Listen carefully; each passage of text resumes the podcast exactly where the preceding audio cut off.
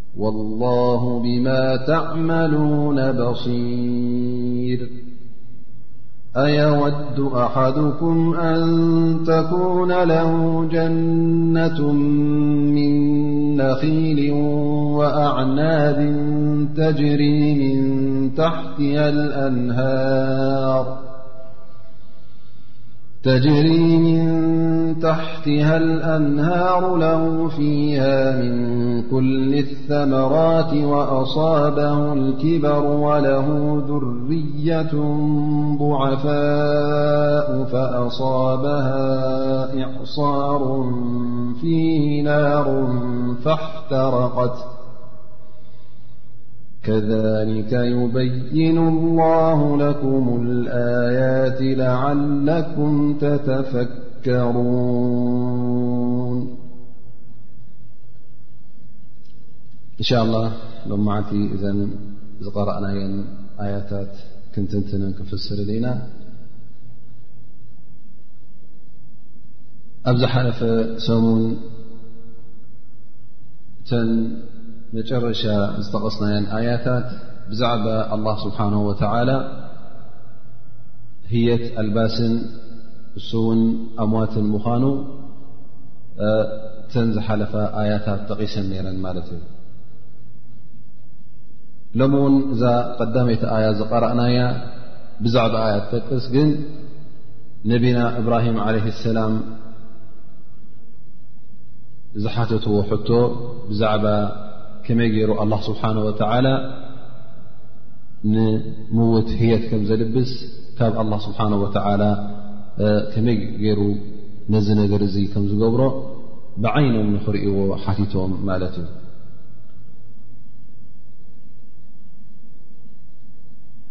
ነብላ እብራሂም ዓለ ሰላም ከምቲ ኣብ ዝሓለፈ ኣያ ዝጠቐስናዮ ኣላ ስብሓን ወተላ ኣሕዋይን ኣማትን ምዃኑ ህየት ኣልባስን ህየት ሰላብን ምዃኑ ይኣምኑ እዮም ነይሮም ምኽንያቱ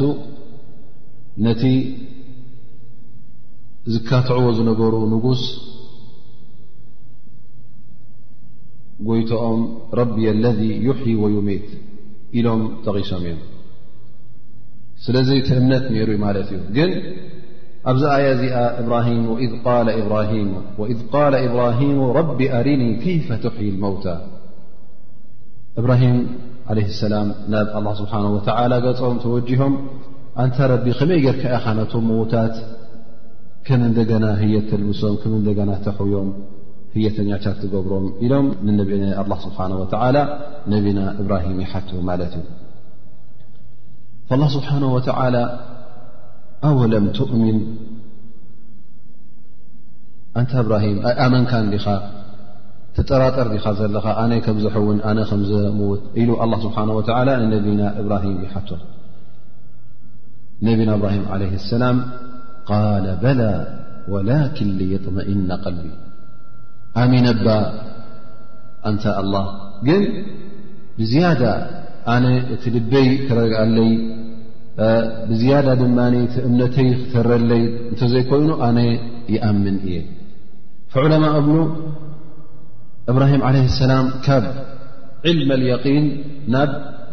ዓይነ ልየቒን ክመሓላለፍ ደልዩ ካብ ዕልመ ልየቒን ናብ ዓይነ ልየቒን ብወረ ሰሚዕካ እተኣምኖን ብዓይንኻ ርኢኻ እተኣምኖን ሕጂ ክልተ ዓይነት እዩ ደረጃ ኣለዎ ማለት እዩ እቲ ብዓይንኻ ርብዓይንኻ ጥሜኻ ዝረኣኻዮ ከምቲ ዝሰማዕካዮ ይከውን እዩ ወላ ዝሰማዕካዮ ኩሉ ሰብ ዝኣምኖ ዝነገረካ እሙን ሰብ ይኹን ዳኣ እምበር ከምዝን ከምዝን ተረኺቡ ኢሉካ ኣሚንካዮ ኣለኻ ከምዘይሓሰወ ኣይተጠራጠርን ኢኻ ጥርጥር የለን ግን እንተ ብዓይንኻ ባዕልኻ ርኢኻዮ ኣቤት ትሓልፍ ማለት እዩ ኣብቲ ዝለዓለ ደረጃ ስለዚ እብራሂም ዓለ ሰላም እንታይ ደልሉ ካብቲ ዕልመ ልየቂን ዝበሃል እቲ ናይ ብፍልጠት ኣሚንዎ ዝነበረ ብወረ ኣሚንዎ ዝነበረ ሕጂ ብዓይኑ ሪኡ ዝያዳ እቲ እምነቶም ክተረሎም ዓለ ሰላም እዚ እዩ መሕተት እዮም ذ ኣ ስብሓ ወ ኣወለም ትእምን ኢሉ ምስ ሓተቶም ኣይኣመንካ ዲኻ ኢሉ ምስ ሓተቶም ኣእሚነባ ኢሎም ግን ብዝያዳ ኣንታ ረቢ ኣነ እቲ ኣፈጣጥራ ብዓይኖም ክርእዎ ደልዮም ደስ ክብሎም ማለት እቲ እምነት ክተረሎም ላ ስብሓ ወላ ነዚ ሕቶ ድማ ኣላ ስብሓ ወላ ተቐቢሉ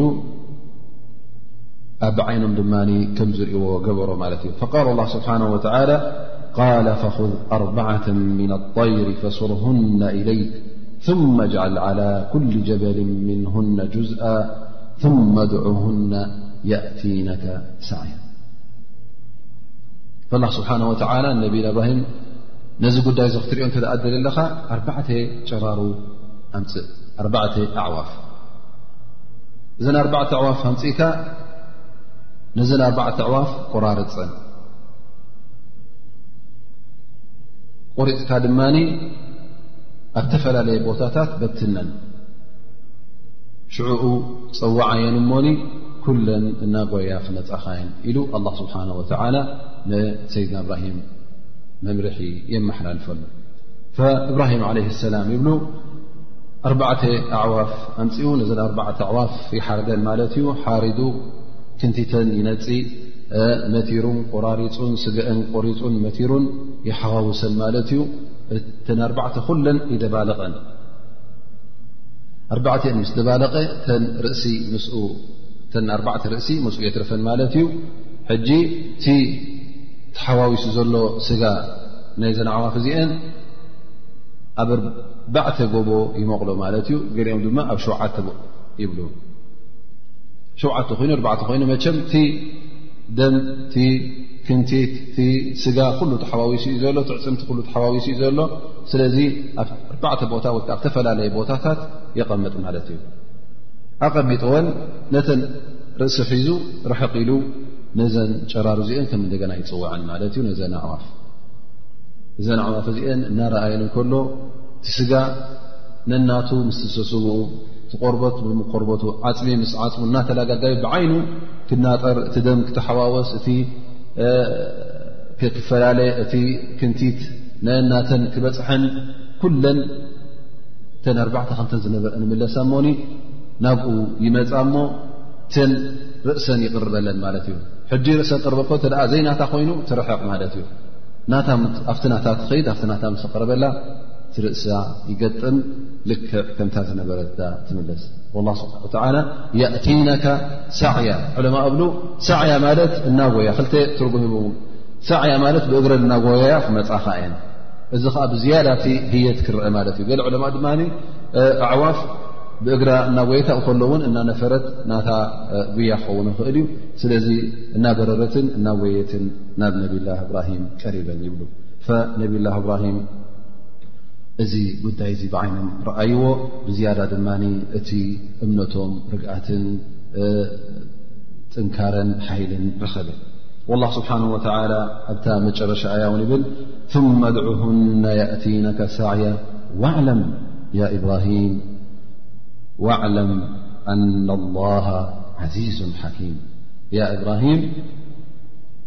ኣላህ ስብሓን ወተላ ዓዚዝ ምዃኑ ዕዙዝ ማለት ፈፂሙ ዘይሰዓር ሰዓሪ ዘይብሉ ጎይታ ከም ምዃኑ ዝኾነ ይኹን ጉዳይ እውን ንዕኡ ዘሸግሮ ከምዘይየለ ፍለጥ ከምኡ ውን ኣላ ስብሓን ወተላ እንተ ዝኾነ ነገር ገብሮ ደልዩ ንዕኡ ኣሸጋርን ንዕኡ ዓጋትን ንዕኡ ከልካልን የለን ኣላ ስብሓን ወተዓላ ኣዝዩ ዓብዪ ኣዝዩ ክቡር እዩ ከምኡ ውን ኣላ ስብሓን ወተዓላ ሓኪም ሓኪም ማለት ምን ኣልሕክማ ዝኾነ ጉዳይ ነናቱ ዝቦ መመሰሉ ዝህብ ላ ስብሓን ወተዓላ ሓኪሙን ክበሃል ከሎ ኣብ ኩሉ ጉዳያቱ ሓኪሙን ፊ ኣቅዋሊ ኣብ ቃላቱ እንተ ደኣ ኮይኑ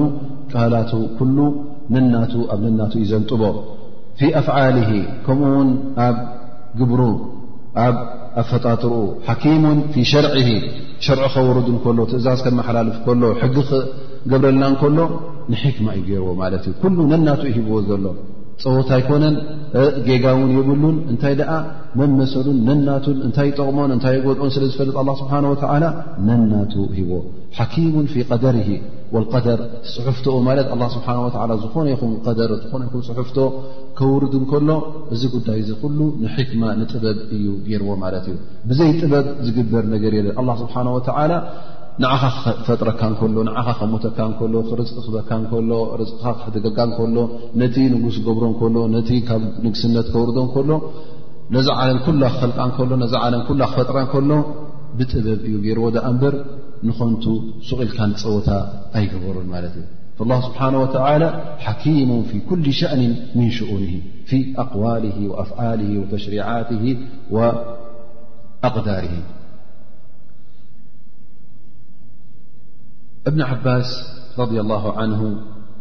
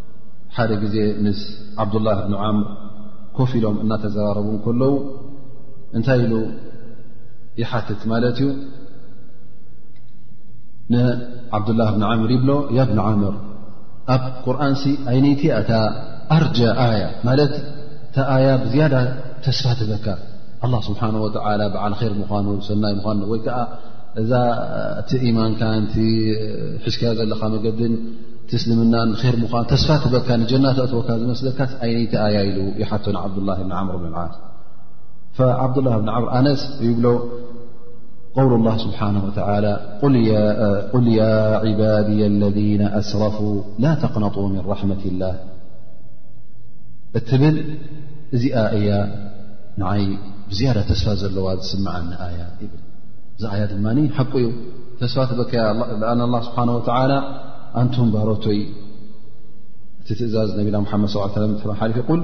ሙሓመድ ነቶም ባሮተይ ከምልካ ኣመሓላ ያ ዕባድ ለذ ኣስረፉ عላ ኣንፍስህም ላ ተቕነጡ ምን ራሕመት ላ ማለት እቶም ዝጋገዩ ዘለዉ እቶም መገዲ እክ ሒዞም ዘለዉ ተስፋ ይቁረፁ ኣላ ስብሓን ወላ ጀና ክእትዎ ምኳኑስ ተስፋ ክቆርፁ የብሎምን ማለት እቲ ጌጋታት ይብዛሕ ወላ ክንጎቦ ይኹን ወላ እውን ይደርደር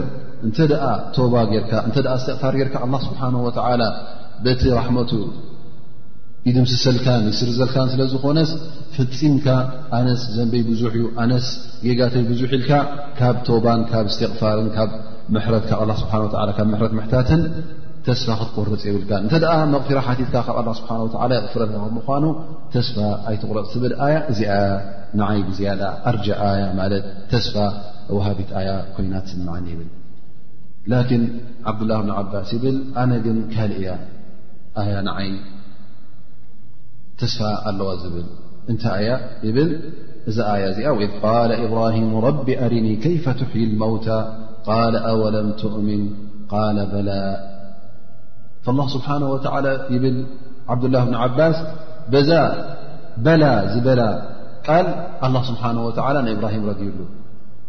ሙእምን ከም ምዃኑ ኣረጋጊፅሉ ስለዚ ወዲ ሰብ ምናልባሽ ኣብቲ ኢማኑ ሓሓደ ግዜ ገለ ናይ ወሳውስ ናይ ሸይጣን ገለ ምንታት ይርከቦ ድኣ እምበር እንተ ኣነ ሙእምን የኢሉ እተ እዚ ንእሽተ ኢማን ኣላቶ ኮይናስ እዚኣ እውን ኣላ ስብሓን ወተላ ተኣኽሎ እያ ካብቲ ኢማን እውን ኣይተውፅእን እያ ስለዚ እዚኣ ኣነ ካብቲ ተስፋ ዘለዎ ኣያ ኮይና ትስምዓኒ እቲ ወሳውስ ናይ ሸይጣን እቲ ልብኻ ዝስምዓካ ሓሓደ ግዜ እሱ ኩሉ ተቐባልነት ከም ዘይብሉ ኣላ ስብሓን ወላ ንዑ ግልፅ ከም ዘይብሎ ብቐንዲ እታ ቐንዲ ኢማን እንተ ኣላትካ ኮይናስ በታ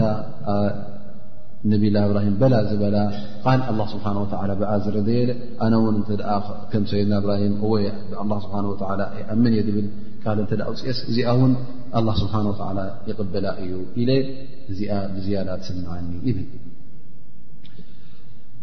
ثم يقول الله سبحانه وتعالى مثل الذين ينفقون أموالهم في سبيل الله كمثل حبة أنبتت سبع سناب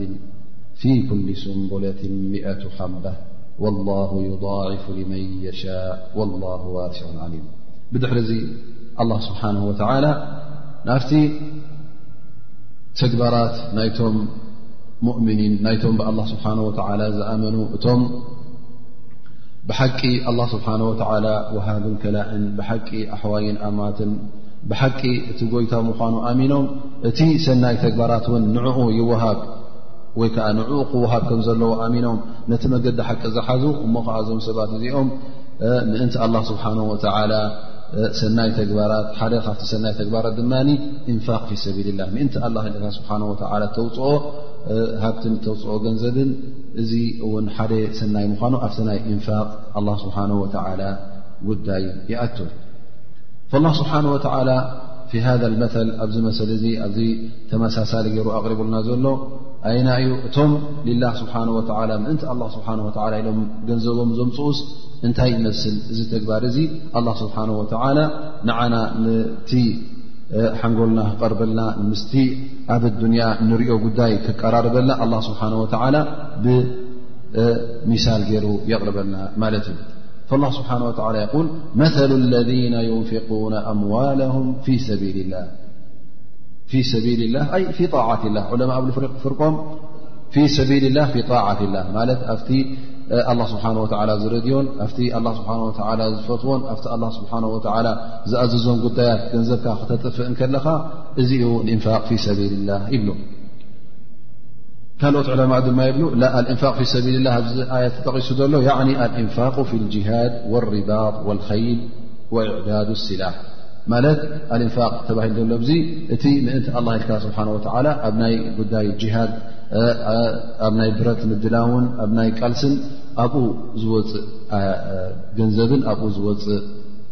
ሃብትን እዩ ይብሉ ስለዚ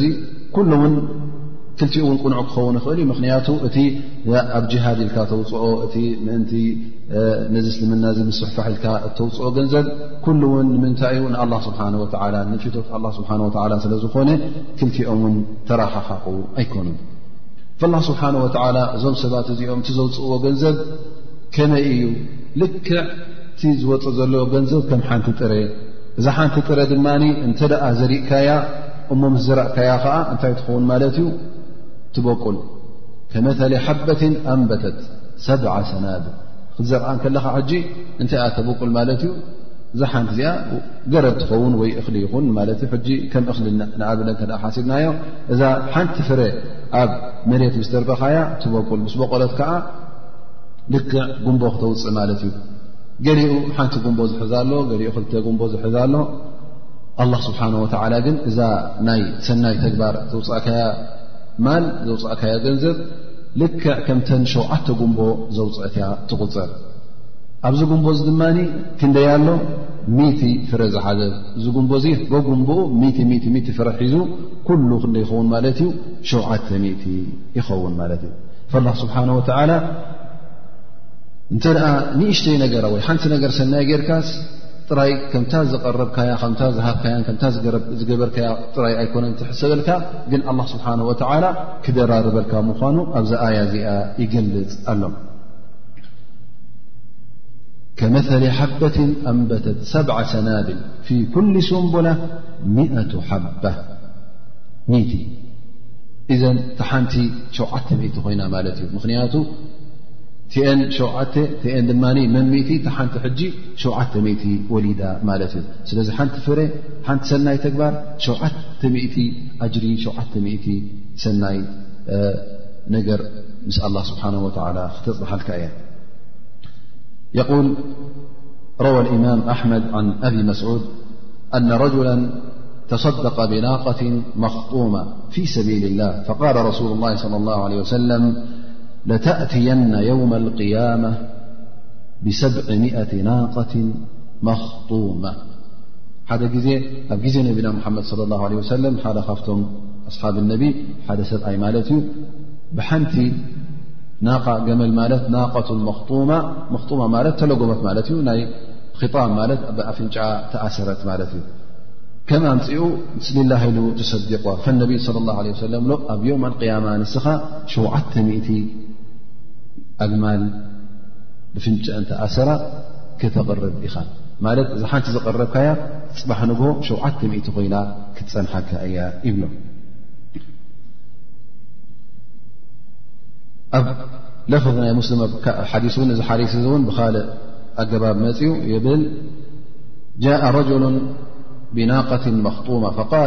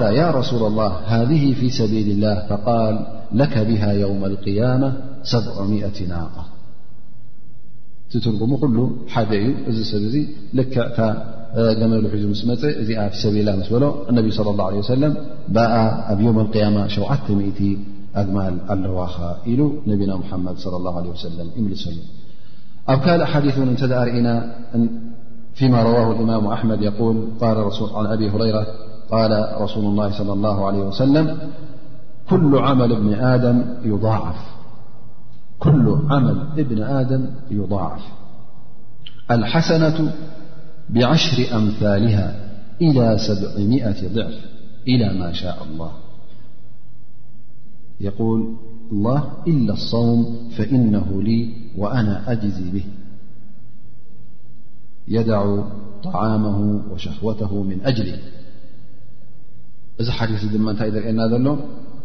ኩሉ ሰናይ ተግባራት ዝገብሮ ወዲ ሰብ ኣላ ስብሓን ወተዓላ ይደራርቦ ምዃኑ ኩሉ ዓመል እብኒ ኣደም ይضዓፉ ላህ ዝኾነ ይኹን ሰናይ ዝገብርካ ኣላ ስብሓን ወተዓላ ደራሪቡ ክእክበልካ እዩ ኣልሓሰናቱ ብዓሽሪ ኣምልያ ዝኾነ ትኹን ሰናይ ተግባር ዓሰርተ ዕፅፊ ትደራረበልካ ኢላ ሰብ ضዕፍ ክሳብ ሸተ ድርብ ውን ትኸውን ኢላ ማሻ ላ ጥራይ ሸ ን ደዋ የብልን እዩ ግን ኣ ስብሓ ወ ን እተ ትናካ እክላስ ትናትካ ናብ ኣ ስብሓ ወ ብሓቂ ኣቕርቦ ወይ ከዓ እቲ ዝነበርካዮ ኩነታት ኣብ ግዜ ድኽነትን ኣብ ግዜ ስእነትን እተውፅኦ ሰደቃ ንኣብነት ኣብ ግዜ ሃብትን ኣብ ግዜ ርኽበትን ተውፅኦም በበይኑ እዩ ብሓቂ ድማ ንመን ከም ዝሃብካዮ ብሓቂ ድማ ክሳዕ ክንደይ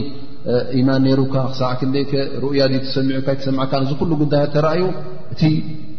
ዝገበርካዮ ሰናይ ተግባር ይደራረበልካ ማለት እዩ ላ ስብሓን ወላ ክሳዕ ሸውዓተ ሚት እውን ኣይኮነን በል ኢላ ማሻ ላ ካብኡን ላዕሊ እውን ክደራረበልካ ይኽእል እዩ የቁል ላ ኢላ ኣሰውም ብጀካ ስያም ስያም ድማ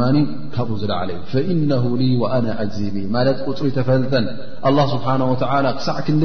ነዚ ስያም እዚ ነዚ ፆም እዚ ደራሪቡ ከም ዘቕርበልካ ኣላ ስብሓን ወተላ ጥራይ እዩ ዝፈልጦ ቆፂርካ እውን ዝውዳእ ኣይኮነን ምኽንያቱ ስያም ጉዳዩ በይኑ ስለ ዝኾነ የደዑ ጣዓመሁ ወሸህወተ ብልዕኻን መስተኻን ስምዒትካን ኩሉ ገዲፍካ ምእንቲ ኣላ ስብሓን ወተላ ካብዚ ነገራት እዚ ተሓሪምካ ትውዕል ስለዚ ኣላ ስብሓን ወተላ ብዝያዳ ድማ ንስያም ዝተፈለየ ኣጅሪን ዝተፈለየ ድርብ ኣጅርታት ከም ዘለዎ በዚ ሓዲስ እዚ ይግለፀልና ማለት እዩ ከምኡውን ኣብዚ ኣያ እዚኣ ንሪኦ ዘለ ድሕሪ ሸዓ ኢላ ኣ ስብሓ ወላ እተን ሸዓ ምስተቐሰ ከመተለ ሓበት ኣንበተት ሰብዓ ሰናብል ፊ ኩል ስንቡለት ሓባ ምስ ብዕለ ብድሕሪኡ እንታይ ኢሉ ወላ ዩضዕፉ ልመን የሻ ኣላህ ስብሓን ወተዓላ ብሓሰብ እክላሰ ክሳዕ ክንደይቲ እክላስ ናካ እቲ ተግባራት ናትካ ሪኡ ንዝደለየ ሰብ ይደራርበሉ ሊመን የሻእ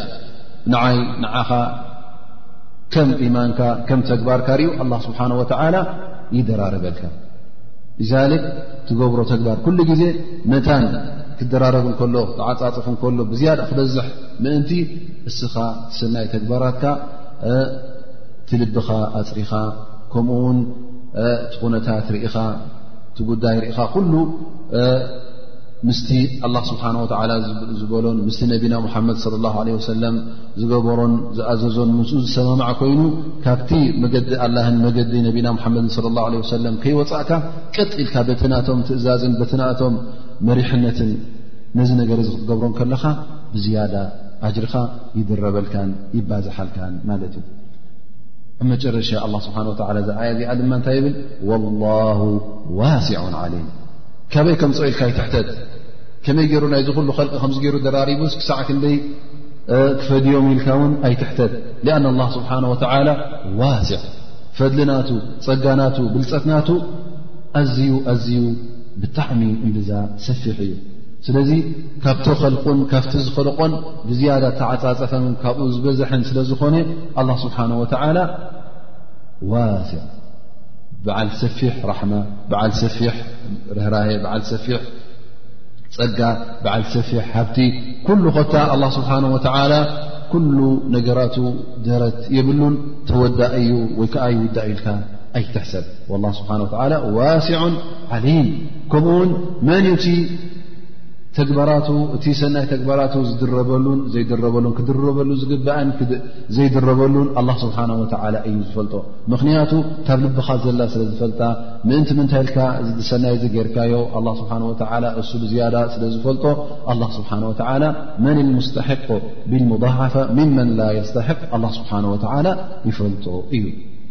ስለዚ ኣላህ ኩሉ ተግባራትናን ኩሉ ምንቅስቓሳትናን ኩሉ ቃላትናን ዝሕብኦ ነገር ስለ ዘየለ ብሓቂ ድማ እቲ ዝሓባእናዮን እቲ ዝሰተርናዮን ኣላ ስብሓን ወተላ ይፈልጦ ስለ ዝኾነ እቲ ብጋህዲ ንገብሮን እቲ ብስትራን ብሕቡእን ንገብሮን ኩሉ ብሓደ ዓይኒ ገርና ክንሪኦ ኣለና ምኽንያቱ ፅባሕ ንግሆ ኣላ ስብሓን ወተላ እቲ ዝሓባእካዮን እቲ ዘይሓባእካዮን ኩሉ ይፈልጦ ስለ ዝኾነ እንተ ደኣ ዝገበርካዮ ኣጅሪ ሰናይ ክረክብ እንተ ደኣ ኮይኑ ፅባሕ ንግ ምስ ኣላ ስብሓ ወ ክፀንሓካዩ ወይ እውን ዝገበርካዮ እውን እንተ ደኣ ኣንፃርካ ኮይኑ ዘንቢ ዝፀሓፈካ ኮይኑ እውን ካብ ኣላ ስብሓን ወተዓላ ዝሕባእ ነገር የለን ሱመ ኣላ ስብሓን ወተዓላ ብዛዕባ እንደገና ናይ ኢንፋቅ እውን ይጠቅስ ኣሎ ማለት እዩ እቲ ተውፅኦ ዘለኻ ውን እንታይ ዓይነት ኣወፃፅኣ ከም ምዃኑ ተረዳእ እቲ ተውፅኦ ዘለኻ ውን ምእንቲ ኣላ ስብሓን ወተላ እተውፅኦ ዘለኻ ገንዘብ እውን ከይብተነካ ተጠንቀቕ ኮንቱ ከይጠፍእ እውን ተጠንቀቕ ስዚ ሰናይ ትገብሮ ዘለኻ ከይበንን እውን ተጠንቀቕ ኢሉ ኣላ ስብሓን ወተላ ኣብዛ ትመፅ ዘላ ኣያ ይየብርሃልና ማለት እዩ ፈየቁል ላ ስብሓን ወተላ ኣለذነ ዩንፍቁነ ኣምዋላሁም ፊ ሰቢል ላህ ثመ ላ ይትብዑነ ማ ኣንፈቁ መነው ወላ ኣዛ ለሁም ኣጅሩም ዕንደ ረቢህም ወላ ኸውፍ ዓለይህም ወላ ሁም የሕዘኑን ኣላ ስብሓን ወተዓላ እቶም ገንዘቦም ዘውፅኡ እሞ እዞም ሰባት እዚኦም ከውፅኡ እንከለዉ ንሰናይ ንኼር ክኸውን ፊ ሰቢል ላ ኣብቲ ኣላ ስብሓን ወተዓላ ዝፈትዎ ጥራይ እዚ እውን ኣይኮነን ግን ክትጥንቀቕ ኣለካ ማለት እዩ ከተውፅእ ከለካ ክንደይ ሰብ ኣለዉ ር ገብሩ ግን እዚ ር ዝገብርዎ ዘለዉ ይበንን ፋይዳ ኣይረክብን ጥቕሚ ኣይረኽብሉን ስለምንታይ ከምዚ ኣላ ስብሓን ወተላ ዝበሎ ثመ ላ ይትቢዑነ ማ ኣንፈቁ መነን ወላ ኣዛ ሰናይ ጌርካ ገንዘብ ኣውፅእካ ሊላ ኢልካ ሂብካ እሞ ነዚ ሊላ ኢልካ ዝሃብካዮ እንተ ደኣ መን ክትገብር ኮንካ መን ማለት እንታይ ማለት እዩ ኣነ ገይረልካ እደ ኣነ ከምዚ እደ ዝገብረልካ ኣነ ኩሉ ግዜ ንዓኻ ሕግዘካ እደ ኣነ ተማሊ ክንዲዚ ሂበካ ቅድሚ ሕጂ ከምዚ ገይረልካ ኣነ ከዋኒኻ እየ ኣነ ገባሪኻ እ ክትብሎም ከለኻ ነቲ ትህቦ ዘለኻ ሰብ እቲ ዝገበርካዮ ኩሉ ንልላ ኢልካ ዝገበርካዮ ተፍርሶ ኣለኻ ማለት እዩ ثመ ላ ይትቢዑነ ማ ኣንፈቁ መነን ወላ ኣዛ ኣዛ ድማ ጉድኣት ማለት እዩ ብቲ ጌርካሉ ኣብ ክንዲ ስቕ ትብል ወይ ንኻልእ ሰብ ትነግረሉ ኣነ ኮ ከምዚ ዝኣመሰለ ኣነ ኮ ከ ከ ከፍ ኢለሉ ኣነ እንደ ምህረዮ ብገንዘበይ እ ተማሂሩ ብገንዘብ ኣነ እንደ ለይትን መዓልትን ዝኸፍለሉ ነረልካ እዚ ክትዛር ከለኻ ንኡ ትጎድኦ ስለ ዘለኻ እዚ ሕጂ ኣዛ በሃል ማለት እዩ እዚ እውን ነቲ ዝገበርካዮ ሰናይ የብልነልካ ኣሎ ማለት እዩ ይብትነልካ ኣሎ ማለት እዩ ከምኡ ውን ወይ ንኡ እስኻ ክሳዕ መዓሲኻ ሃብኒ ክትብል ክሳዕ መዓሲኻ ካባይ ክትደሊ ክሳዕ መዓሲ ክሕግዘካልካ ብሕማቕ ዘረባ ክትዛረቡ ከለኻ ወላ እውን ሃቦ ድኣ እምበር ከምዚ ኢልካ ከምዚ እናተዛረብካ እተ ትበልኻ ኮንካ ሰናይ ትገብረሉ ኣለኻ ግን ኣነ ሞክሳዕ ክነይ ክልእ ክበካ ኣንታ ለማኒ ኢልካ እተ ትዛረቡ ኮንካ ነቲ ሓዉኻ ነቲ ትሕግዙ ዘለኻ ሰብ ክሳዕ መዓስ ክትልመን ኢኻ እናበልካ ትዛረቡ እተ ኮንካ ነዚ ሓዉኻ ዝትጎድኦ ስለ ዘለኻ ወላ እውን ኣሽሓት ሃቦ ወላ እውን ሚልዮናት ሃቦ ትትቦ ዘለኻ ኣብ ቅድሚ ኣላ ስብሓን ወተዓላ ኩሉ ክበነካ እዩ ስለዚ ሰናይ ትገብር እተ ኣለኻ ኮንካ ትሰናይካ እንታይ ከተኸትሎ ኣለካ ስቕ ከተኸትሎ ኣለካ ገረ ገረልካ እየ ገይረሉ እየ እዚ ለማኒ እዚ ከምዚ ኢልካ ንዕኡ ዝጎድእ ይኹን ንዓኻ ድማ ብዝያዳ ኣብ ቅድሚ ሰብ ክፍለጠልካ ክረኣየልካ ኣነ ገብረልካ እየ እናበልካ ወይ ከዓ ንዕኡ ክንደሻዕ ክገብረልካ እየ እናበልካ ክትዛረብ እተ ኮይንካ ተበላሹ ኣላኻ ማለት እዩ ግን እንተ ደኣ ተዝገብሮ ምእንቲ ኣላ ስብሓን ወተዓላ ኢልካ ትገብሮ ኮንካ እሞ ኸዓ ነዚ ትገብሮ ዘለኻ ከምዝኣመሰለ ጠባያት ዘየኸተልካ ሎ እተ ኮንካ ኣላ ስብሓን ወተላ እዞም ሰባት እዚኦም እንታይ የብል ለሁም ኣጅሩሁም ዕንዳ ረቢህም እዞም ሰባት እዚኦም ዓስቦምን ፃምኦምን ምስ ኣላ ስብሓን ወተላ ተኣኪቡ ክፀንሖም እዩ ወላ ከውፍን ዓለይህም ኣብ መፃኢ ኣብ ዮም ኣልቅያም እውን ፈፂሞም ኣይፈርሁን እዮም ስቓይ ኣላ ይኹን ካብ ጀና ምርሓቕ ይኹን ቁጣዐ ኣላ ይኹን ካብ ኣላ ስብሓን ወተላ ምርሓቕ ይኹን እዚ ኩሉ ነገራት እዚ እቲ መፃዒ ፈፂሞም ኣይፈርሁን እዮም ድንብርፅ ኣይብሎምን እዩ ምኽንያቱ ኣላ ስብሓን ወተዓላ በቲ ዝሃቦም ኢማንን በቲ ሰናይ ተግባራቶምን ኣላ ስብሓን ወላ እቲ ኩሉ ፍርሃት ዝበዮም ዘሎ ኣላ ስብሓን ወተዓላ ከርሕቆ እዩ ወላ ሁም ያሕዘኑን ፈፂሞም እውን ኣይሓዝኑን እዮም ኣብ ኣዱንያ ከምዝ ተሪፉና ብሞማትና ከምከምዝን ሽሻያት ነሩና ዝንዝን ፀጋ ነሩና ፅቡቕ ናብራ ነብር ነርና ዝብል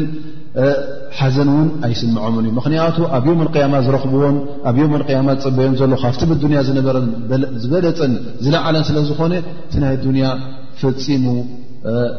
ኣይስምዖምን እዩ ፈፂሞም ውን ግልፅ ኣይክብልዎን እዮም እንተ ደኣ ትረኽቦ ዘለካ እቲ ናይ ቀደም ንብረት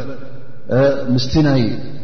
መፃኢ ንብረት ከተመዛዝኖ ከለካ ዝመፅእ ዘሎ ንብረት ስለ ዝበልፅ ወላ ሓንቲ ጥቕሚ ዘለዎ ኮይኑ ይስምዓካን እዩ ግን እንተ ሓደ ክሓዲ ኮይኑ እንተ ንጀሃንም ክኸይድ ኮይኑ እታ ዱንያ ትበልፅ እታ ዱንያ ሓሊፋትኒ እቲ ኒዕማ ኣብዱንያ ዝነበረ እሱ ዝያዳ ኒዕማ ኮይኑ ክስምዖ እዩ ስለዚ ኣብ ኣዱንያ ዝሓለፎን ዝተረፎን ኒዕማ ንዕኡ ዘኪሩ ጓሂ ይስምዖ ማለት እዩ ግን እቲ በዓል ር ፈፂሙ ኣይጉሂን እዩ እቲ ናይ ኣዱንያ ማህማ ብዝኾነ ይኹን ወላ እውን ኣሸሓት ዝለዓለ ደስታ ነርዎ ይኹን ምስ ናይ ዮም ያማ ደስታ ክሪኦ ከሎ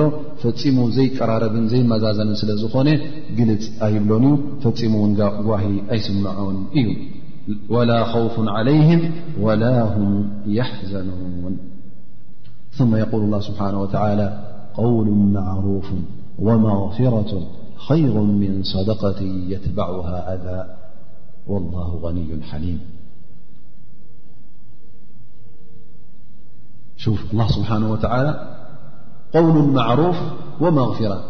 ሰናይ ቃል ሰናይ ዘረባ ምዝራብን ከምኡ ውን እንተ ደኣ ሓደ ሰብ ዓሚፁካ ወይ ከዓ ተጋጊቡ ኣብ ልዕሊኻ ጌጋ ፈፂሙ ንዕኡ ክትምሕሮን ክትምሕፎኑ ከለኻ እዚ ጉዳይ እዚ ካብ ጅባኻ ዘውፃእካዮ ገንዘብ የለን ዝኸሰርካዮ ገንዘብ የለ እዚ ነገር እዚ ይበልፅ ካብ ምንታይ ካብቲ ሓደ ሰብ ሰናይ እናገበረ ከሎ ር እናገበረ ከሎ ገንዘብ እናሃበ ከሎ ዋላ እውን ኣሸሓት ይኹን እንተ ደኣ መን ዝገብር ኮይኑ ማለት ገይረ እየ ገብረልካ እየ ዝብሎ እተ ኮይኑ እዚ በዓል መልሓስ ይበልፅ ሓደ ሰብ መፅኡ እኳ ንኣብነት ኣነ ከም ከምዚ የድልየኒ ኣሎሞ ሓግዘኒ ኢሉካ ንኣብነት ሓደ ተሸጊሮ መፅኡካ ማለት እዩ ኢልካ ብጥዑም ዘረባ መሊስካ ኣነስ ከምቲ ትምገበርኩልካ ነረ የብለይን ክእለት የብለይን ኢልካ ብጥዑም ዘረባ መሊስካ ዮ ከይዱ ኣብ ካልእ ሰብ ንበሎ ንኣብነት ንዑ ድማ ሽግሩ ገልፀሉ ኣለዎ መታን ክሕግዞ እዚ ሰብ እዚ ትሽግሩ ዓግትሉ ሂብዎ ገንዘብ ንበሎ ንኣብነት ግን ምስ ሃቦ መፅባሒቱ ኣነ እንዴ ተማላ ሓጊዘካ ኣነ እንዲ ኩሉ ግዜ ዝሕግዘካ ዝብሎ እንተ ኮይኑ መኖም ይበልፅ ሕጂ ትዘይሃበ ይበልፅ ምኽንያቱ እቲ ብቓል ተዛሪቡ ግን እዚ ሂቡ ከሎ ነዚ ሰብ ዚ ኮይንዎ ከሎ ነታ ዝገበራ ኩላ ስለ ዘፍረሳ በታ ተዛረባ ቓል ኣየ ናይ ሒሹ ማለት እዩ ትበዓል መልሓስ እቲ ብጥዑም ዘረባ ዝመለሰ እሱ ሒሹ ማለት እዩ ምኽንያቱ እቲ ዝፈፀሞ ዘንቢ ነቲ ዝገበሮ ኣጅሪ ስለ ዘፍረሰ ስለዚ እንተ ሓደ ሰብ ሰናይ ዝገብር ኮይኑ ብሓደ ወገን ድማ ዕከይ ዝገብር ኮይኑ ኣፈራሲ ተግባራት ዝገብር ተ ኮይኑ እቲ ሰናይ ናቱ ኩሉ ዳርጋ ዘይገበሮ እዩ ዝቁፅር ማለት እዩ ግን እንተ ንእሽተይ ቃል ጥዕምቲ ቃል ኣሕሊፍካ ግን ኣላ ስብሓን ወተላ በዛ ንእሽተይ ቃል ክጠቕመካን ክኾነካን እዩ ስለዚ እቲ ከሊማ ጠይባ እቲ ጥዑም ዘረባ ጥዑም ቃል ወይ ከዓ ዱዓ ጌርካ ምፍናው ንሓደ ሰብ ዱዓ ክትገብረሉ ከለኻ እዚ ዓብ ነገር እዩ ቀሊል ነገር ኣይምሰልና ወየቁል ላ ስብሓን ወተላ ወላሁ غኒዩ ሓሊም ኣላ ስብሓን ወተላ ካባና ውን ዘድዩ ካባኹም ዘድዮ የለን ካብ ፍጡራት ዘድዮ የለን ኒ ኣላ ስብሓ ወላ ሃብታም እዩ ካብ ወዲ ሰብ ዝደልዮ ፈፂሙ የለን ኣላ ስብሓን ወተላ ሃቡ ክፈሉ ክብለና እንከሎ ድኺ ኣይኮነን ንኡ ኣድልዎ ኣይኮነን ግን እዚ ነገር እዚ ንዓና ንክጠቕመና ማለት እዩ ላ ስብሓን ወላ ክፈሉ ሃቡ ኣንፊቁ ፊ ሰቢል ላ ክብለና ከሎስ እሱ ደልዩ ማለት ኣይኮነን ደኺ ማለት ኣይኮነን ንኡ ሃፍቲ ጎዲልዎ ሞኒ ሃፍቲ ብዝያዳ ክድርብ ማለት ኣይኮነን እንታይ ደ ኣላ ስብሓን ወላ ካባና ፈፂሙ ዝደልዮ የለን ኩሉ እውን ንዓና ንክኸውን እዩ ንዓና ንክጠቕመና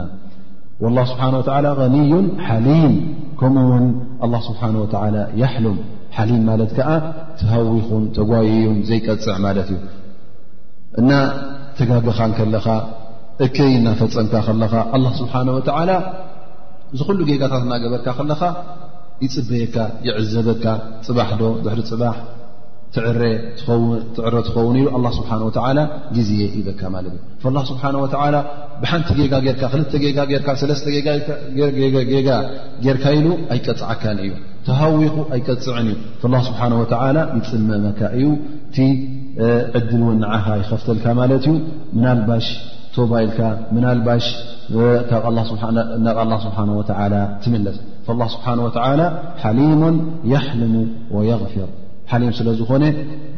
ግዜ ህበካ ግዜ ምስ ሃበካ ድማ ስቕፋ ተ ሓቲትካ ኣላ ስብሓን ወተላ ተጋጊኻ ነርካ እኒኻ ስለምንታይ ምሕረካ ክሉ ግዜ ዲኻ ተጋጊኻ እስተቕፍሩላ ትብል ሓንሳ ዕድል ሂበካ እየ ክልተሻ ዕድል ሂበካ እየ ሰለስተሻ ዕድል ሂበካ እየ ዝብል ነገር የብሉን ኣላ ስብሓን ወተላ ተጋጊኻ ናብ ኣላ ስብሓ እንተ ተመሊስካ ኣላ ስብሓን ወተላ ይቕበለካ ዓሰርተ ሻዕ ይኹን ሚትሻዕ ይኹን ጥራይ እስኻ ብሓቂ ናብ ኣላ ስብሓን ወተዓላ ልብኻ ኣንፅፍካ ቅረብ ድኣ እምበር ኣላ ስብሓን ወተዓላ ቶባኻን እስትቕፋርካን ምሕረት ምሕታትካን ኩሉ ክቕበሎ እዩ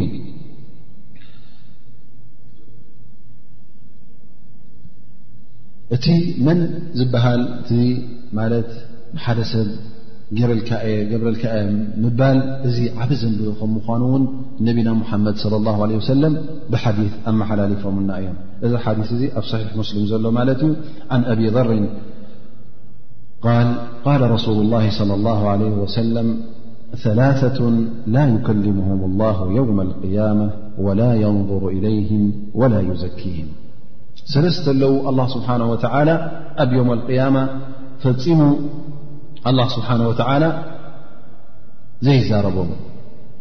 ማለት እቲ ዘረባ ምስ ኣላ ስብሓን ወላ ክትዛረብ ማለት ማለት ኣላ ስብሓን ወላ ካብኡን ተቆጢዑ ማለት እዩ እቲ ኣብ መንጎኡን ኣብ መንጎኦምን ርክብ የለን ማለት እዩ ወላ የንظሩ ኢለይህም ከምኡ ውን ቁልሕ ኢሉ ኣይርእምን እዩ ወላ ዩዘኪህም ከምኡ ውን ዘካት ማለት ከዓ ልኡልነት ማለት እዩ ወይ ከዓ ዝያዳ ኣጅሪ ዝያዳ ክብረት ማለት እዩ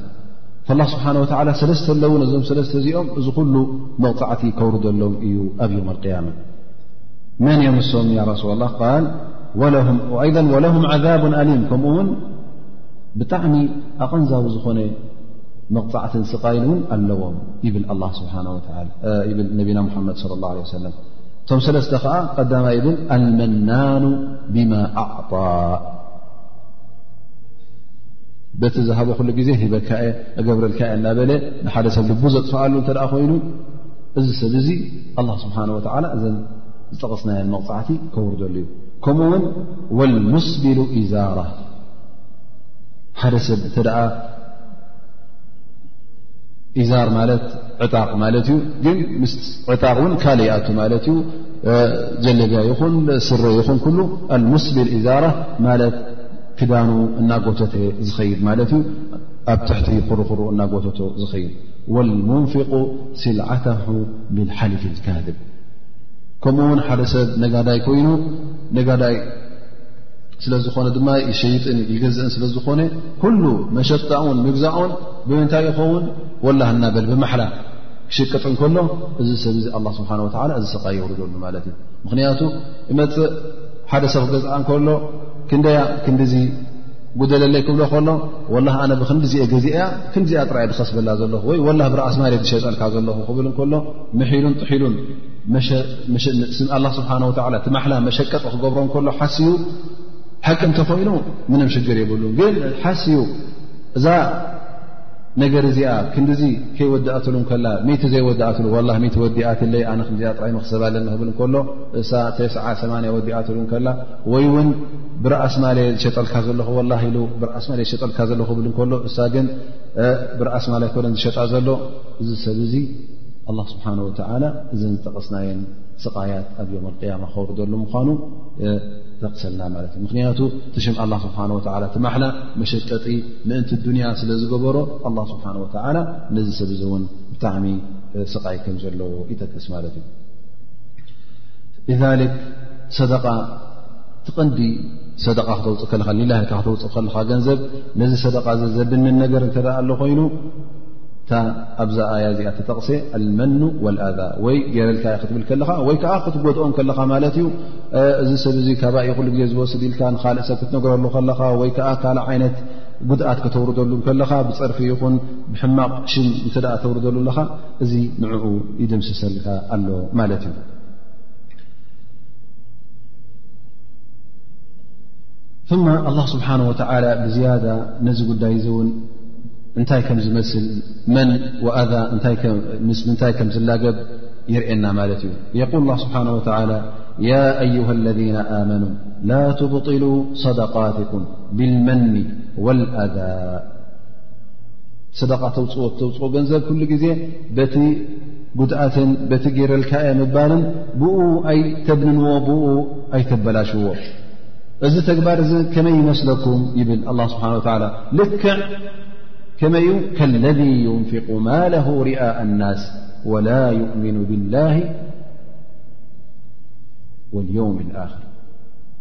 እዚ ከመይ እዩ ልክዕ ከም ሓደ ሰብ ገንዘቡ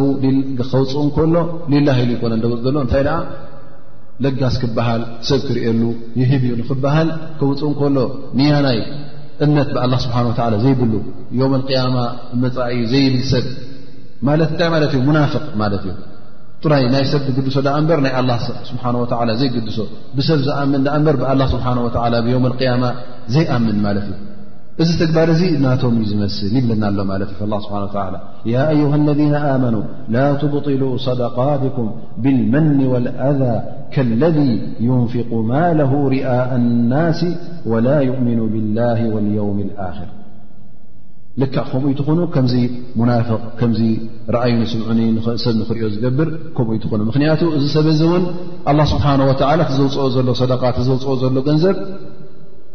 ንሩእያ ስለ ዝኾነ ንሰብ ንኽርእሉ ስለ ዝኾነ ቅቡል ኣይኮነን ስለዚ እስኹም ውን ተውፅኦ ዘለኹም ንሊላ ኢልኩም እናውፃኹም ከለኹም ብምንታይ ተበላሽዎ ኣለኹም በቲ ገይረልካ እናበልካ በቲ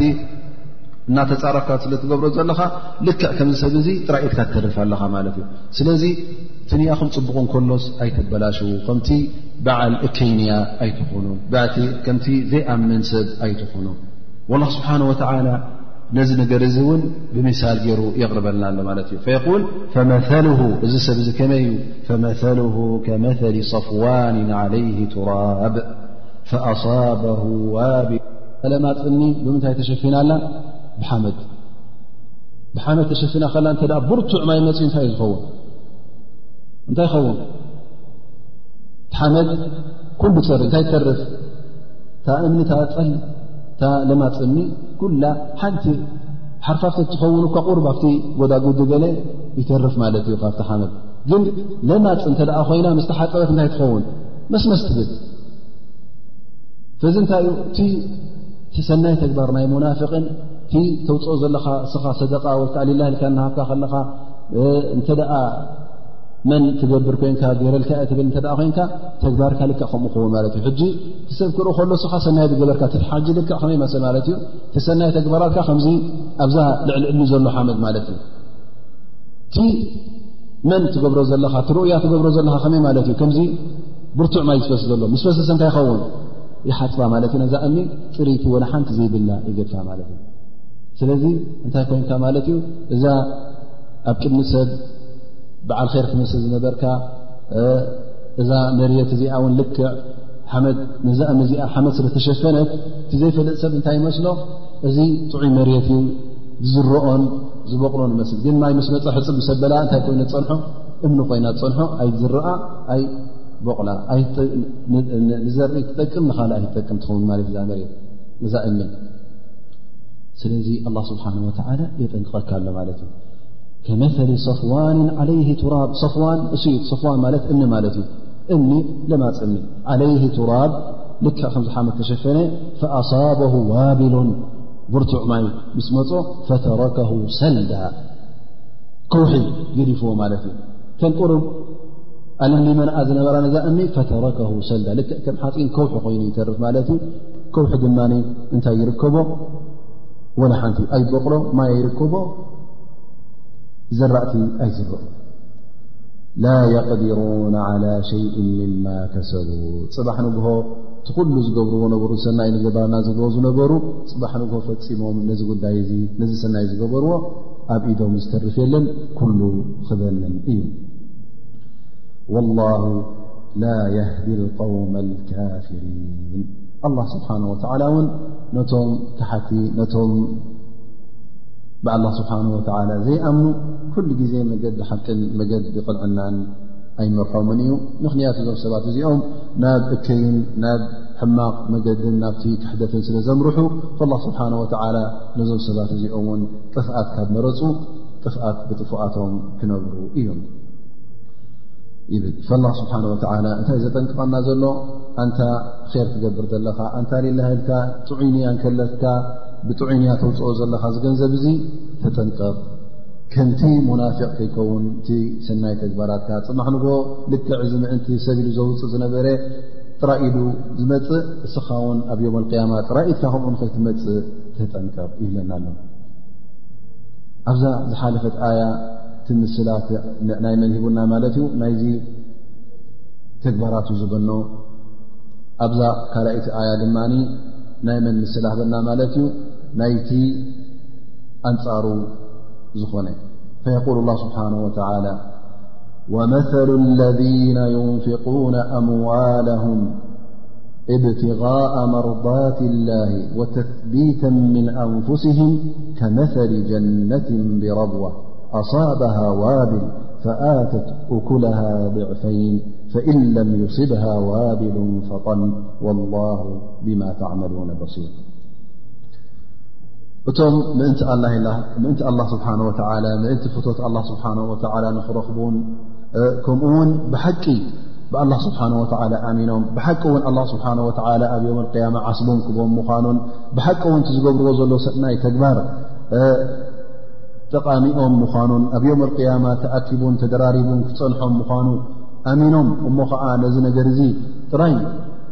ኣተኩሮኦም ናብቲ ፍቶት ኣላ ስብሓን ወተላ ገይሮም ነዚ ሰብ እዚ ከይጎድኡ ሰብ ክርእየለይ ከይበሉ ነቲ ዝብዎ ዘለዉ ሂበካያ ከይበሉ ነቲ ዝብዎ ዘለዉ ከይፀረፉ እዞም ሰባት እዚኦም ከምዝኣመሰለ ጉዳይ ሊላ ኢሎም ገንዘቦም ዘምፅኡ ከመይ እዮም ይብል ኣላ ስብሓን ወተላ ከመተሊ ጀና ልክዕ ጀና ማለት ከምዚ ጃርዲን ማለት እዩ ወይ ከዓ ዝራእቲ ዘለዎ ፍሩታታት ተዘርኦ ቦታ ማለት እዩ ከመተሊ ጀነትን ብረብዋ ኣصበሃ ዋዲ ልክዕ ከም ሓንቲ ግራት ወይ ከዓ ከም ሓንቲ ዘራእቲ ኣብ ረብዋ ማለት ኣብ ልዑል ቦታ ኣብ ሰፊሕ ቦታ ማይ ዘለዎ ውሒዝ ዘለዎ ቦታ እሞ ከዓ ልዑል ማለት ኣብ ጉድጓድ ዘይኮነ እኹል ፀሓይ ትረክብ እኹል ንፋስ ትረክብ እሞ ከዓ ኣብ ልዑል ቦታ ኮይና ኣብ ፅቡቕ መሬት ኩሉ ጥዑም ዝኾነ መሬት ከመተሊ ጀነትን ብረብወትን ኣصበሃ ዋዲ ሕጂ ረእዮ ኣብ ክልቲኡ ማይ ኣሎ ማለት እዩ እቲኣ ምስላ ክቐርብ ከሎ ኣላ ስብሓን ወተዓላ ብርቱዕ ማይ መፅኡ ኣብዚ እውን ብርቱዕ ማይ መፅኡ ግን ኣብቲ ነተን ዝነበራ ቁርብ ሓመድ ሕፅብ ኣቢልዎን እታ ከውሒ ተኸሽፋ ማለት እዩ ኣብዚ ግን ክውሒ ስለ ዘየለ ብርቱዕ ማይ ክመፅእ እንከሎ እንታይ እዩ ዝኸውን እኹል ማይ ዝያዳ ማይ ክረክብ እንከሎ ዘረእቲ እንታይ ይኸውን ብዝያዳ ይጥጥዕ ብዝያዳ የፍሪ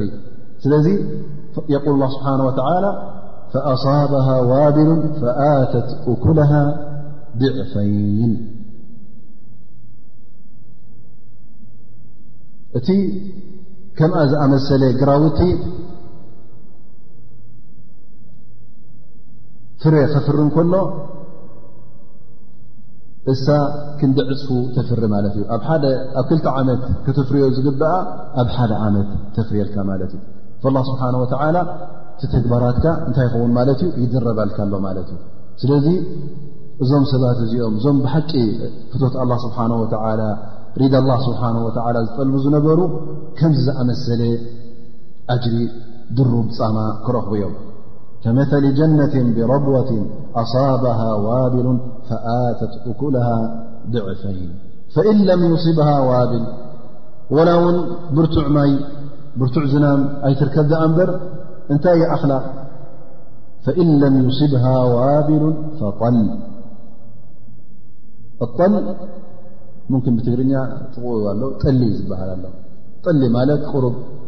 كف مي ات كف ውሑድ ዝናም ማለት እዩ ወይ ከዓ ዛዕዛዕታ ትረክብ ማለት እዩ እዚ እውን ንዓኣ እኹል እዩ ምኽንያቱ ኣብ ፅቡቕ ቦታ ስለ ዘላ ኣብ ፅቡቕ ለስ ቦታ ስለ ዘላ ኣብ ጠሊ ዝኾነ ቦታ ስለ ዘላ እዛ ቦታ እዚኣ ለስልስቲ ስለ ዝኾነት እቲ ቁሩብ ማይ ዝመፅእ እውን ንዓኣ እኹል እዩ ላ ስብሓን ወተላ እቲ ሰናይ ተግባራት ፈፂሙ ከምዘይበላሸው ይጠቕስልካ ኣሎ ማለት እዩ ከምዛ ግራት እዚኣ ብዙሕ ማይ ትርከብን ውሑድ ማይ ትርከብን ኩሉ ግዜ ተፍሪ ልክዕ እዚ በዓል ሰናይ ንያውን እቲ ምእንቲ ኣላ ስብሓን ወተዓላ ንኡ ኣፅኡ ዝገብር ዝነበረ ፈፂሙ ኸሲኸሲሩ ይተርፍን እዩ ወይ ክልተ ሻዕ ክድረበሉ ወይ ኣርባዕተ ሻዕ ወይ ከምቲ ዘርኣናዮ ክሳዕ ሸውዓተ ሚእቲ ድርብ እውን ክበፅሓሉ ማለት እዩ ስለዚ መሬት እዚኣን እታ እምቲኣን ንኽልቲኤን ኣመዛዝነን እትን እዝን ተግባሮም ሓደ እዩ ነይሩ እቲ ሰናይ ተግባር ገይሩ እዚ እውን ሰናይ ተግባር ገይሩ እዚ ምእንቲ ኣላ ስብሓን ወተላ ገንዘብ ኣውፅኡ እቲ እውን ምእንቲ ኣላ ስብሓን ወተላ ገንዘብ ኣውፅኡ ግን እቲ ነታ ጉዳይቲኣ ብምንታይ ኣኸትልዋ ማለት እዩ ገበልካየ ህበካ እየ ብምባል ስለ ዘኸተላ ኩላ ሕፅብ ኣቢሉ እምኒ ጥራይ ኣትሪፍዋ እዚ ግን ነቲ ጉዳይቲ ከምዚ ኣመሰለ ጠባይ ብከም ዝኣመሰለ ጠባይ ስለ ዘየኸተሎ እንታይ ኮይኑ ማለት እዩ ፍረ ረኺቡ ፃማ ረኺቡ ማለት እዩ ፈየቁል ላ ስብሓን ወላ ኣብዛ ኣያ እዚኣ መጨረሻ እውን ወላሁ ብማ ተዕመሉነ በሲር ማለት ኣላ ስብሓን ወተዓላ ፈፂሙ ዝሕብኦ የለን ኣንቱም ባሮተይ ኩሉ ትገብርዎ ዘለኹም ይርኦ እየ ዘለኹ ይከታተሎ እየ ዘለኹ ካባይ ዝሕባእ የለን ተሓብእዎ ነገር እውን የለን ላ ስብሓን ወተዓላ በታ ዝገበርኩማን በታ ኣከያይዳኹምን በታ ትብልዋ ዝነበርኩም ውን ኩላ ኣላ ስብሓን ወተዓላ ይርኣ ስለ ዘሎ ብኣ መዚኑ ብኣ ተቐቢሉ ፃማኹም ክኸፍለኩም እዩ ስለዚ እንታይ ማለት እዩ ሙራቀባ ስለ ዘሎ ምቁፅፃር ስለ ዘሎ ኣላ ስብሓን ወላ ቆፃፅረካ ስለ ዘሎ ተጠንቀቕ ትገብሮ ዘለኻ ኩሉ ንያኻ ኣፅርዮ ንመን ትገብር ከም ዘለኻ ርአ እቲ ትገብሮ ዘለኻኸ እንታይ ዓይነት ተግባራት እንታይ ዓይነት ጠባያት ተኸትሎ ኣለኻ እንታይ ዓይነት ስምዒት ስምዓካ ኣሎ ትዕቢት ዶ ስምዓካ ኣሎ ወይስ ካልእ ዓይነት ስምዒት ስምዓካ ኣሎ ክትቦ ከለኻ ካብቲ ኣላ ስብሓን ወተዓላ ዝሃበኒ ርዝቂ የድቦ ዘለኹ ናይ ኣላ ሂልካ ዶ ትቦ ኣለኻ ወይስ ኣብ ነፍስኻ ገብር ኣለኹ በዓል ኼርየ ኣነ መን ከማይ ኢልካ እዚ ዓይነት እዚ ትዕቢት ስምዓካ ኣሎ ስለዚ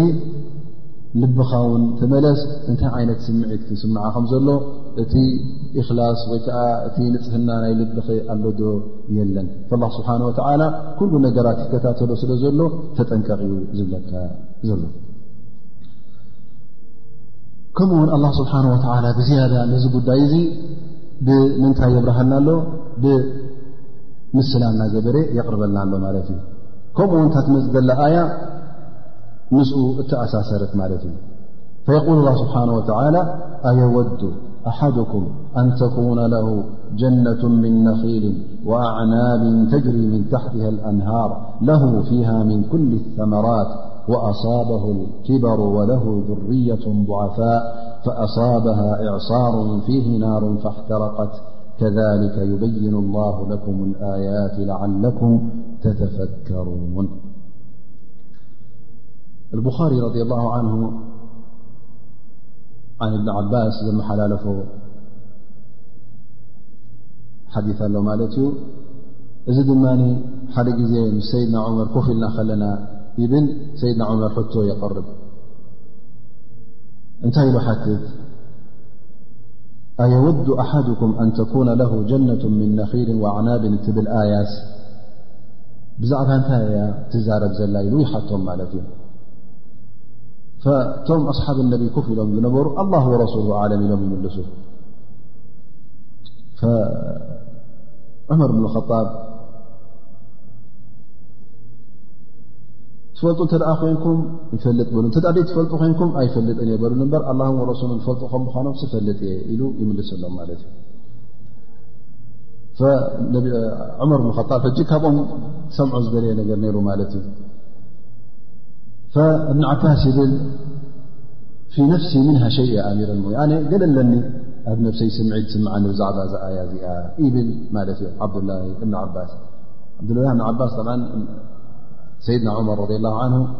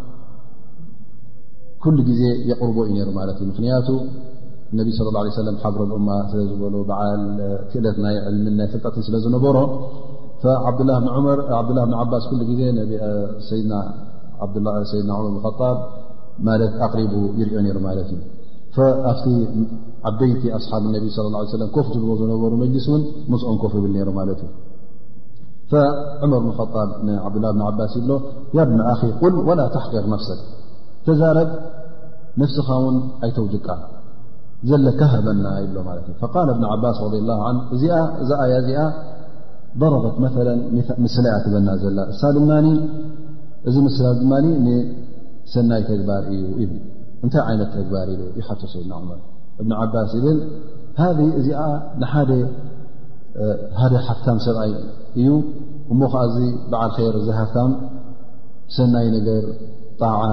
ር ክገብር ፀኒሑ ምእንቲ ኣላ ስብሓን ወላ ገንዘብ ክውፅእ ሰናይ ተግባራት ይገብር ነይሩ ነይሩ ነይሩ ኣብ መጨረሻ እንታይ ይኸውን ማለት እዩ ሸይጣን የጋግዮ ኣብ ክንዲቲ ሰናይ ተግባራት ሰናይ ጉዕዞ ዝቕፅሎ ዝነበረ እንታይ ይጀምር እከይ ክገብር ይጀምር እሞ ከዓ በቲ እከይ ተግባራት ስ እናቐፀለ ስለ ዝኸደ ኣብ መጨረሻ እቲ እከዩ ነቲ ሰናይ ዝገበሮ ግብሪ ኩሉ ይደፍኖን ይድምስሶን የጥሕሎን እዚ እዩ መስለኒ ይብል ማለት እዩ ስለዚ እዚ ሓዲስ እዚ ብዛዕባ እዚ ኣያ እዚኣ የብርሃልና ማለት እዩ ላ ስብሓን ወላ ሕጂ እዚ ምስላ ዝቐልብ ዘሎ እንታይ እዩ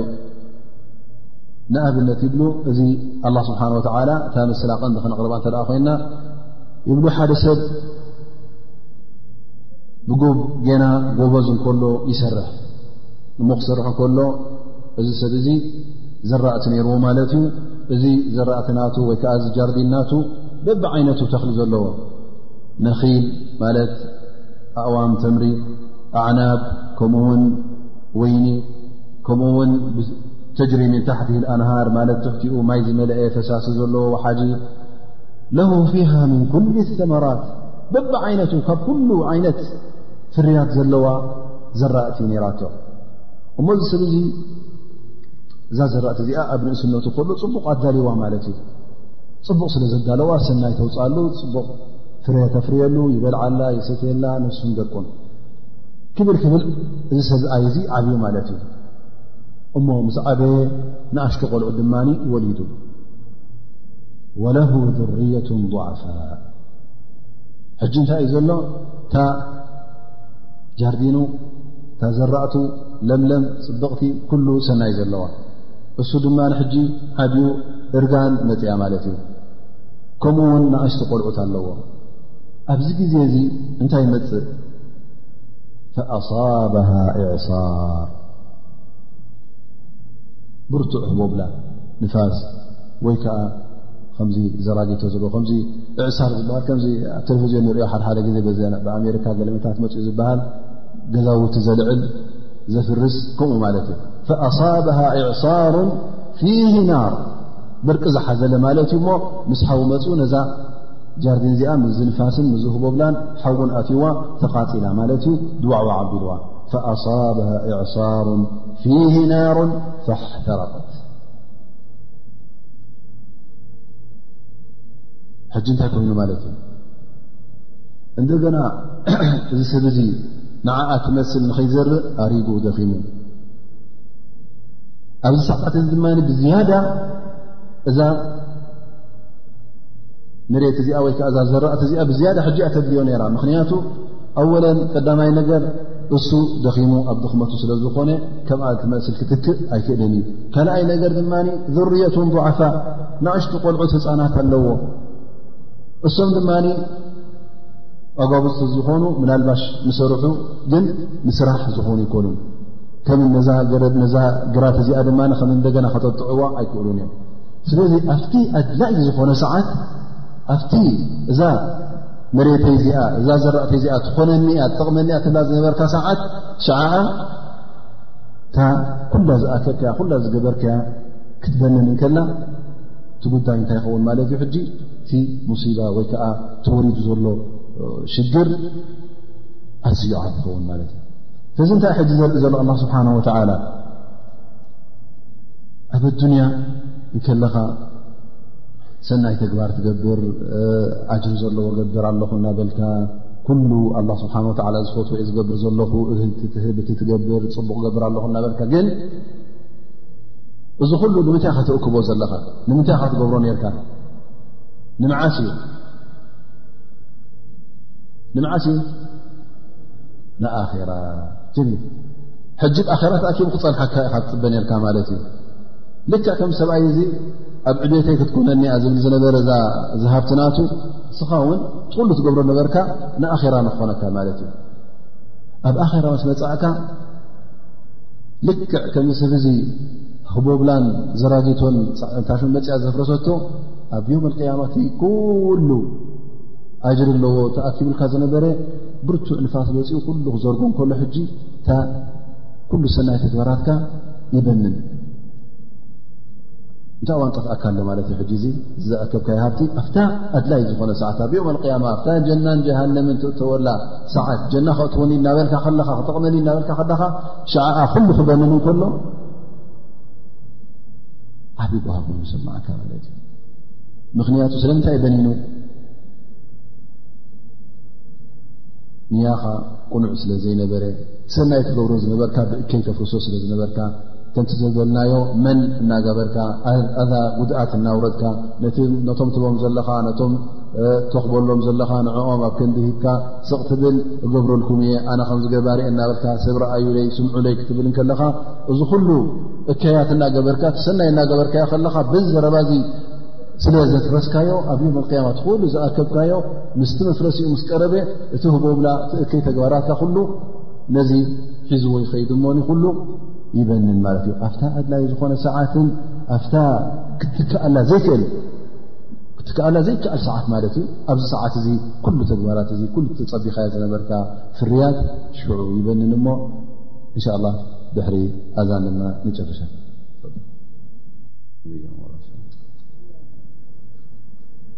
ላ ስብሓን ወተላ ካብ ምንታይ እዩ ዝጠንቅቐና ዘሎ ር እናገበርና ከለና እናደኸምና ከለና ምእንቲ ሰናይ ብዙሕ ነገራት እናገበርና ከለና ነዚ ሰናይ እዚ ብካልእ መገዲ ተጠዊና ከይነፍርሶ ተጠዊና ከይነበላሽዎ ክንጥንቀቕ ከም ዘለና ብሓቂ እቲ ኢማን ኣለና ዶ የብልና ተመሊስና ንር ካብ ዲና ካብ ኢማንና ዘውፅኣና ዘረባ ንብል ከይንኸውን ኣብ ሽርኪ ንኣቱ ከይንኸውን በቢ ዓይነቱ ጌጋታት ንፍፅም ከይንኸውን እሞ እዚ ኩሉ ተኣኪቡን ተደራሪቡን ነቲ ስናይ ዝገበርናዮ ነቲ ዝኣከብናዮ ነቲ ንደኽመሉ ዝነበርና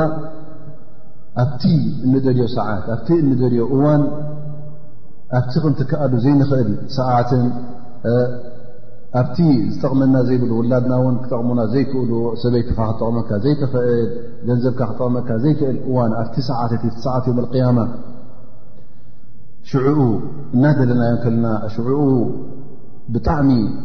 ተገዲስና ነዚ ሰናይ እዚ ንኽንረኽቦ ፃምኡ ንኽንረክብ ህንቀውታ ሓዚልና ቀሪብና እሞ ኣብ ቅድሚና እናረኣናዮ ኩሉ ክጠፍእ እንከሎ ዝስምዓና ጓሂ ዓብ ስለ ዝኾነ ንጠንቀቕ ማለት እዩ ኣላ ስብሓን ወተላ የጠንቅቐና ኣሎ ذ ነቢ صለ ላه ለ ወሰለም ፊ ድዓኢ የል ረዋሁ ሓክም ኣላሁመ እጅዓል ኣውሰዓ ርዝቅካ ዓለይ ዕንደ ክበሪ ስኒ ወንቅባኣ ዕሙሪ ማለት እንታይ ዘርእየና ዘሎ ሓደ ሰብ እንተ ዓብዩ እተ ኣብቲ መጨረሻ ዕድሚኡ በፂሑስ ብዙሕ ነገራት ክገብር ከም ዘይኽእል ምስ ዓብየ ዕብት እተ መፅኡ ከምቲ ንእስነት ኣይኮነን ሽዑኡ እንተ ቀደም ዝፅናሕካዮ ሃብቲ ዝኣከብካዮ ሃብቲ ብውላድ ይኹን ወይ ከዓ ንቡር ገንዘብ ዘቐመጥካዮ ዘጥረኻዮ ጥሪት ሽዑ እዩ ዝጠቕመካ ማለት እዩ እንተዘይኮይኑ ከም መንእሰይ ከም ወዲ 2ስራ ዓመት ወዲ ኣርዓ ዓመት ወዲ ሰላሳ ዓመት ላዕልን ታሕትን ኢልካ ሽዑ ክትስርሕ ስለ ዘይትኽእል እነቢ ስ ሰለ ንገዛእ ርእሶም ኣብቲ ዕብቶም ርዝቆም ክበዝሕን ኣብቲ ዕብቶም ራህዋ ንክረኽቡን ዱዓ ይገብሩ ነይሮም ማለት እዩ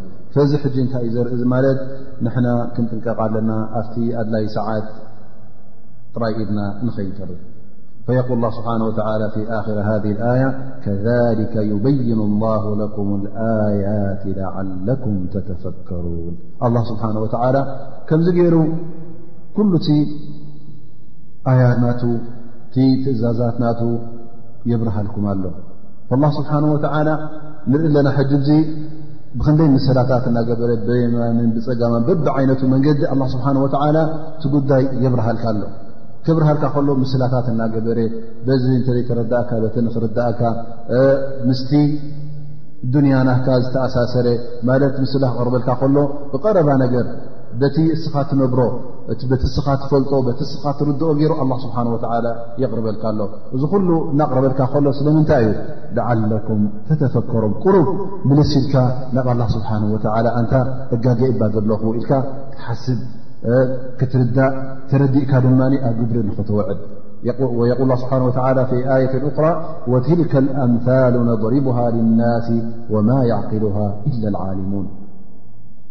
ኣላ ስብሓን ወተዓላ ኩሉ ግዜ ምስላታት እናገበረ ተመሳሳሊ ነገር እናምፀኤ ኣላ ስብሓን ወተዓላ ነቲ ጉዳይ ኩሉ የቕርበልካ የብርሃልካ ምንቲ ምንታይ እዩ ከይትጋገ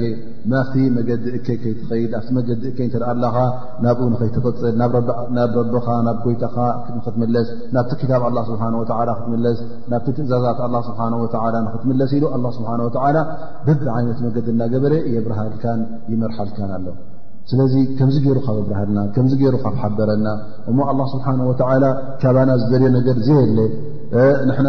ንዕኡ ክንጠቅም ኣይኮናን ንሕና እንገብሮ ሰናይ ተግባር ንዕኡ ይኮነን እንታይ ደኣ ኩሉ ንዓና እዩ እንተ ሰናይ ጌርና ንና እዩ እተ እከ ጌርና እውን ኣንፃርና እዩ ንዓና ጉድኣት እዩ ስለዚ ኣላ ስብሓን ወተላ ካባና ዝወስዶ ሃብቲ ካባና ዝወስዶ ነገር የለን ንዕኡ ምክንያቱ ኣላ ስብሓን ወላ ሃብታም እዩ ካባኻ ምንም ኣይደልን እዩ እስኻ ኢኻ እንታ ድኻ ካብ ኣላ ስብሓን ወላ ትፅበ ፅባሕ ንግሆ እንታ ረቢ ጀና ትወል እናበልካ ካብ ጀሃንም ኣርሕቐኒ ትብል ኣብ ኣዱንያ እውን ካብ ኣላ ስብሓን ወላ ኢኻ ትፅበ እንታ ረቢ ርዘቐኒ እንታ ረቢ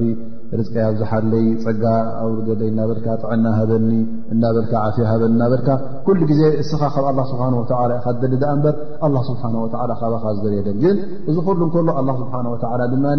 በዓል ሰፊሕ ርህራሀ በዓል ሰፊሕ ራሕማ ስለ ዝኾነ ኩሉ ግዜ መገዲ የብርሃልካ ማለት እዩ ንኸይትጋገ ንግሆን ምሸትን በዚ ቁርን እዚ ገይሩ በቶም ዑለማ ገይሩ ኣንብያ ሰዲዱ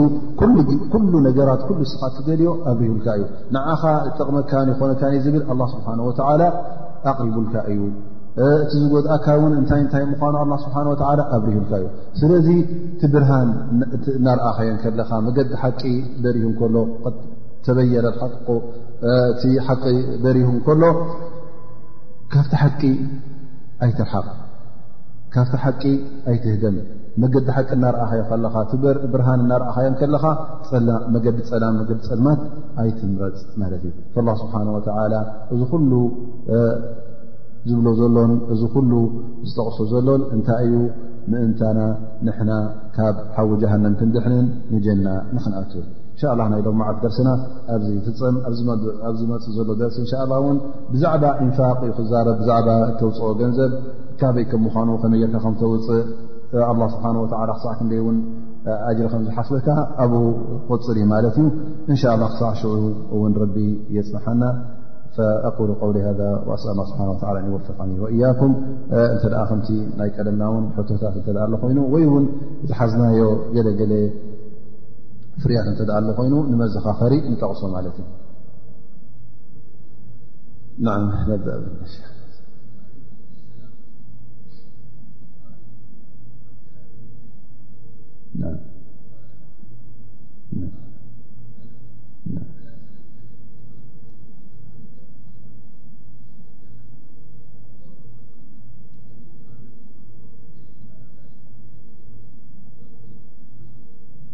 ባረከ ላ ፊክ ሎም መዓልቲ ብዛዕባ ን ሰይድና እብራሂም ካብ ኣላ ስብሓን ወተዓላ ከመይ ገይሩ ንምዉት ነቲ ዝሞተ ህየት ከም ዘልብሱ ከም ዝሓተተ ተረዲእና ማለት እዩ ኣላ ስብሓን ወተዓላ እውን ሓቲትዎ ስለምንታይ እብራሂም ትሓተኒ ምስ በሎ ኣይኣመንካ ምስ በሎ እንተ ረቢ ኣነስ ኣሚነ እየ ኢሉ ስለዚ ነቢና እብራሂም ብሓቂ ኢማን ከም ዝነበሮ ተረጋግፅና ማለት እዩ ከምኡ ውን ኢማኑ እውን ከም ዝነበረ ዘረዳእና ብዝያደ ዘረጋግፅ እውን ምስቲ ንጉስ ክዛረብ እከሎ ክካፋዕ እንከሎ እውን እንታይ ብማለት እዩ ረቢ ለذ ይሕይ ወይሚት ኣነስ እቲ ጎይታይ ትረበይሲ እቲ ህወት ኣልባስን እቲ ኣምዋትን እዩ ኢሉ ተዛሪቡ እዩ ነይርዎ ስለዚ እንታይ ማለት እዩ እታ ሕቶ ናይ እብራሂም ከመይ ገርካ ትሐዊ ዝበላ እውን ጥርጠራ ማለት ኣይኮነትን እንታይ ደኣ ካበይ ናበይና ናበይ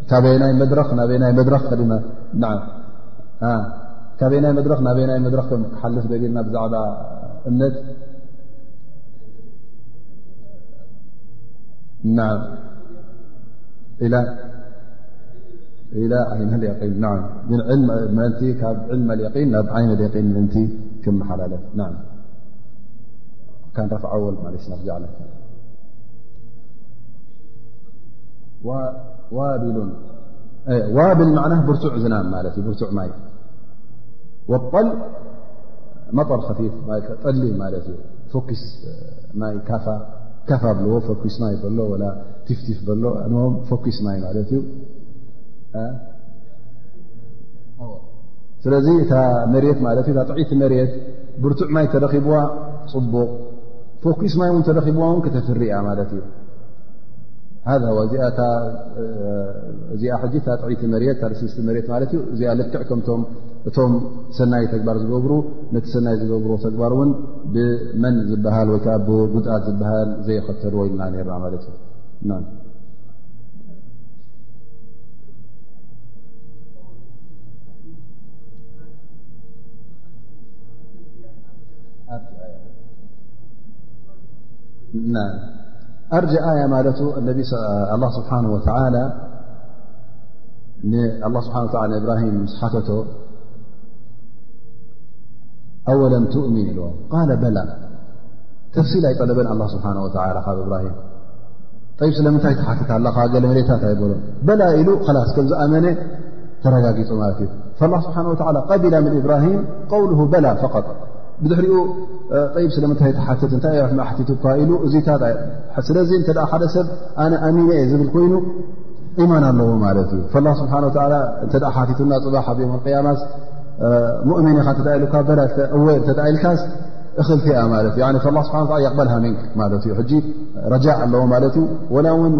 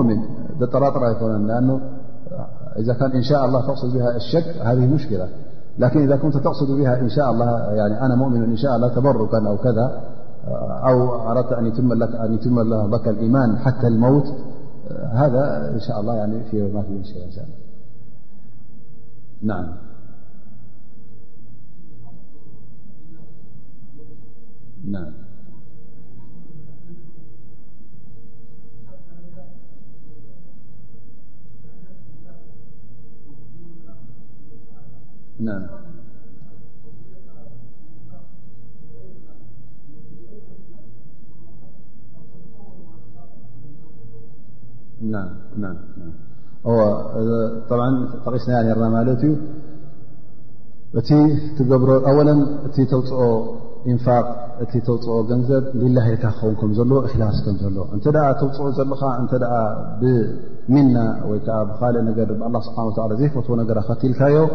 ልክዕ ከምቶም ንርእያ ኢሎም ዝገብሩ ብኣላን ብዮም ቅያማ ዘይኣምኑ ከምቶም ሙናፍቒን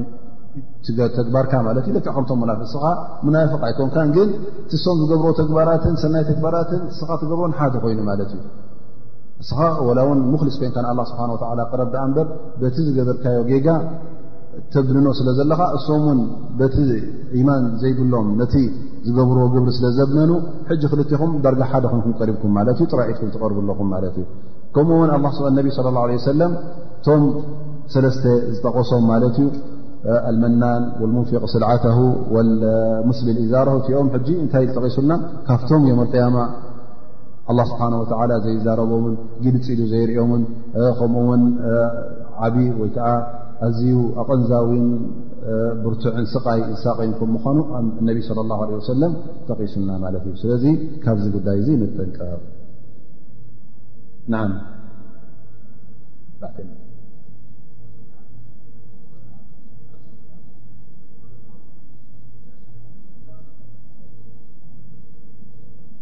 ኣን የኩነ ኣንኩነ ዓመሉ ኻሊሰ ላ ኣን ኩነ ሰዋበ ኣይ ሙዋፍቀ ሊማ ኣምረ ላ ብ ማለት እቲ ተግባር ንገብሮ ኩሉ ግዜ ላ ስብሓ ወ ክኾን ኣለዎ ብንፅሕና ንኣላ ኢልካ ጥራይ ክትገብሮ ኣለካ ንኣላ ኢልካ ክትገብሮ ከለካ ውን ሰዋብ ቅኑዕ ክኸውን ኣለዎ ቅኑዕ ማለት ከዓ ነቲ ትእዛዛት ኣላ ስብሓን ወተዓላን ትእዛዛት ነቢና ሙሓመድ ለ ላ ለ ወሰለም ምምርሕታቶምን ንዕኡ ተኸተለ ክኸውን ኣለዎ ካብኡ ዝወፀ ክኸውን የብሉ እክላስ ሓደሓደ ግዜ ንበይኑ እኹል ኣይኮነን ምክንያቱ እክላስ ሕጂ ከም ዝረኣናዮ እዚ ሰብ እዚ ሊላ ኢሉ ዩ ዝገብር ዘሎ ንኣብነት ግን ሌላ ኢሉ ገይርዎ ግን ካብቲ ኣላ ስብሓን ወተዓላ ዝበሎ ስለ ዝወፀ ማለት ነዚ ጉዳይ እዚ እንታይ ከትልዎ ማለት እዩ ነቲ ዝህቦ ዘሎ ሰብ ነቲ ዝገብረሉ ዘብ ገይረልካ እናበለ ወይ እውን ሂበካኤ እናበለ ወይ እውን እናፀረፈ ስለ ዝሃቦ ይጎጥኦ ስለ ዘሎ ሕጂ እቲ ጉዳይ ካብቲ ኣላ ስብሓን ወተላ ዝኣዘዞ ወፅኢ ማለት እዩ መምርሒ ኣላ ስብሓን ወተላ ኣይተኸተለን ፈታ እክላስ ንበይና እታ ንፅህና ንበይና ኣይጠቅም እያ ንኣላ ኢልካ ጥራይ ስለዚ ክልትኦ ከተማልእ ኣለካ በዚ ንፅህና እክላስ ክህሉ ኣለዎ በዚ ከዓ ነቲ ተግባር ልክዕ ከምቲ ኣላ ስብሓን ወላ ዝኣዘዞን ከምቲ ነቢና ሓመድ ስ ሰለም ዘመሓላልፎ መምርሒ ክኸውን ኣለዎ ቀዲፍ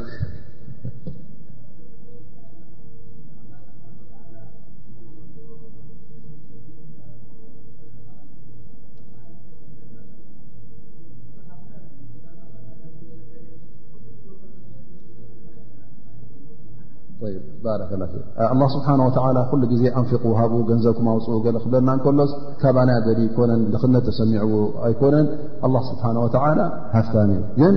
እዚ ኩሉ ንመን እዩ ንዓና እዩ እንተውፃእናዮ ንዓና እዩ እንተሃብና ንዓና እዩ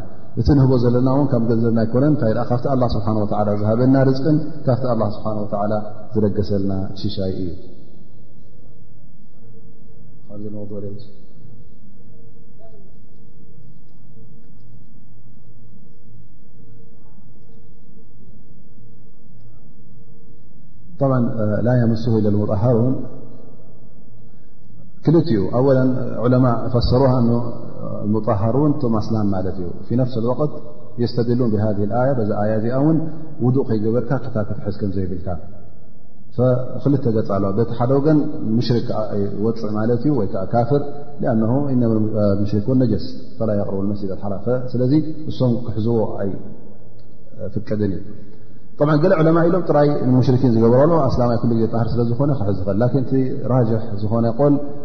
ኣስላማይ እውን እተ ክሕዝ ኮይኑ ንሙስሓፍ ክሕዞ እተ ኮይኑ ውዱእ ገይሩ ክሕዞ ኣለዎ ሃራ ክልተ ዓይነት እዩ ሃራት ናይ ኢማን ወጠሃራት ናይ ውዱእ ማለት እዩ ክልትኡ ከተማልእ ማለት እቲ ኣያ ኣብ ክልትኡ እዮም ዝጥቀሙላ ሕጂ